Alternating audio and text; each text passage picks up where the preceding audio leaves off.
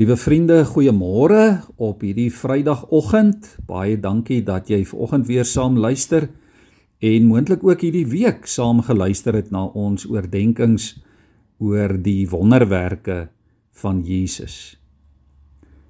Daar is 'n bekende gospel liedjie wat ek onlangs weer gehoor het met onder andere die woorde wat sê He is risen from the dead and I will rise when he calls my name.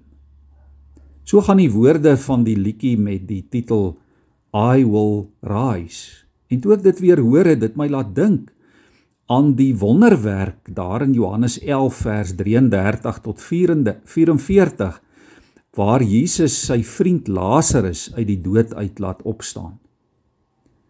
Ons lees daar nadat Jesus dit gesê het, roep hy met 'n harde stem: Lazarus, kom uit.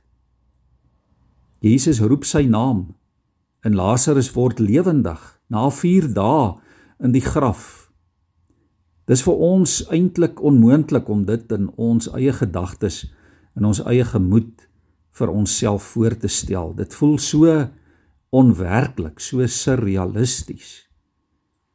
Maar weet jy wat? So het die Here ons ook op ons name geroep het hy ons ook uit ons geestelike dood laat opstaan om te lewe nou en vir ewig. Hy het ons op ons name geroep en vir ons die lewe in oorvloed gegee, sê die woord. Lewe en vrede en vreugde en vergifnis. Daardie lied sê and I will rise when he calls my name no more sorrow no more pain. I will rise on eagles wings. Jesus het gesterwe. Hy het betaal vir jou sonde, hy het opgestaan en hy roep vir jou en vir my ook uit die graf uit. Hy roep jou op jou naam. Dit is in werklikheid wat jy en ek elke Sondag moet hoor. Dit is waaraan ons elke Sondag in gereeld herinner moet word dat hy jou uit die graf uitgeroep het uit die graf van vrees, van verlorenheid, van skuld, van sonde, roep hy en dat jy met nuwe lewe en nuwe hoop gevul sal word. Ek weet verseker, liewe vriende, dat wanneer jy eendag jou laaste asem hier op aarde uitblaas, sal jy ook hoor hoe dat die Here jou naam roep en sê kom. Kom uit.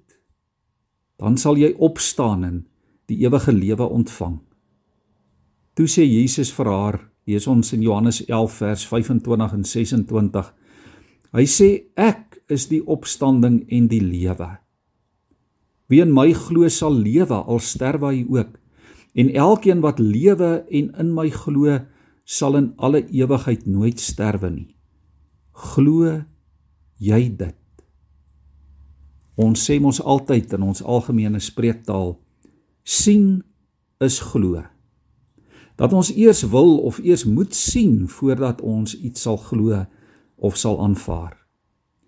Wanneer ek in Johannes 9 die wonderwerk lees van die blinde man vir wie Jesus genees het, dan dan sien ek die teendeel daarvan raak. Daardie man glo en hy doen wat Jesus vir hom sê en eers dan sien hy. Hy sien eers dan fisies maar ook geestelik. Hy het maar net daar langs die pas pad gesit en bedel elke dag in die warm son met sy eie gedagtes, 'n armsalige, 'n elendige mens. Hy het nie eers geweet wie Jesus is nie. Hy het hy het nie geweet dat Jesus genesingskrag het nie. Hy het nie geweet dat Jesus vir jou lewe vir ewig kan gee en jou lewe vir altyd kan verander nie. Maar Jesus kies om hom te genees. Hoekom? Johannes 9 vers 3 sê sodat die werke wat God doen in hom gesien sal kan word.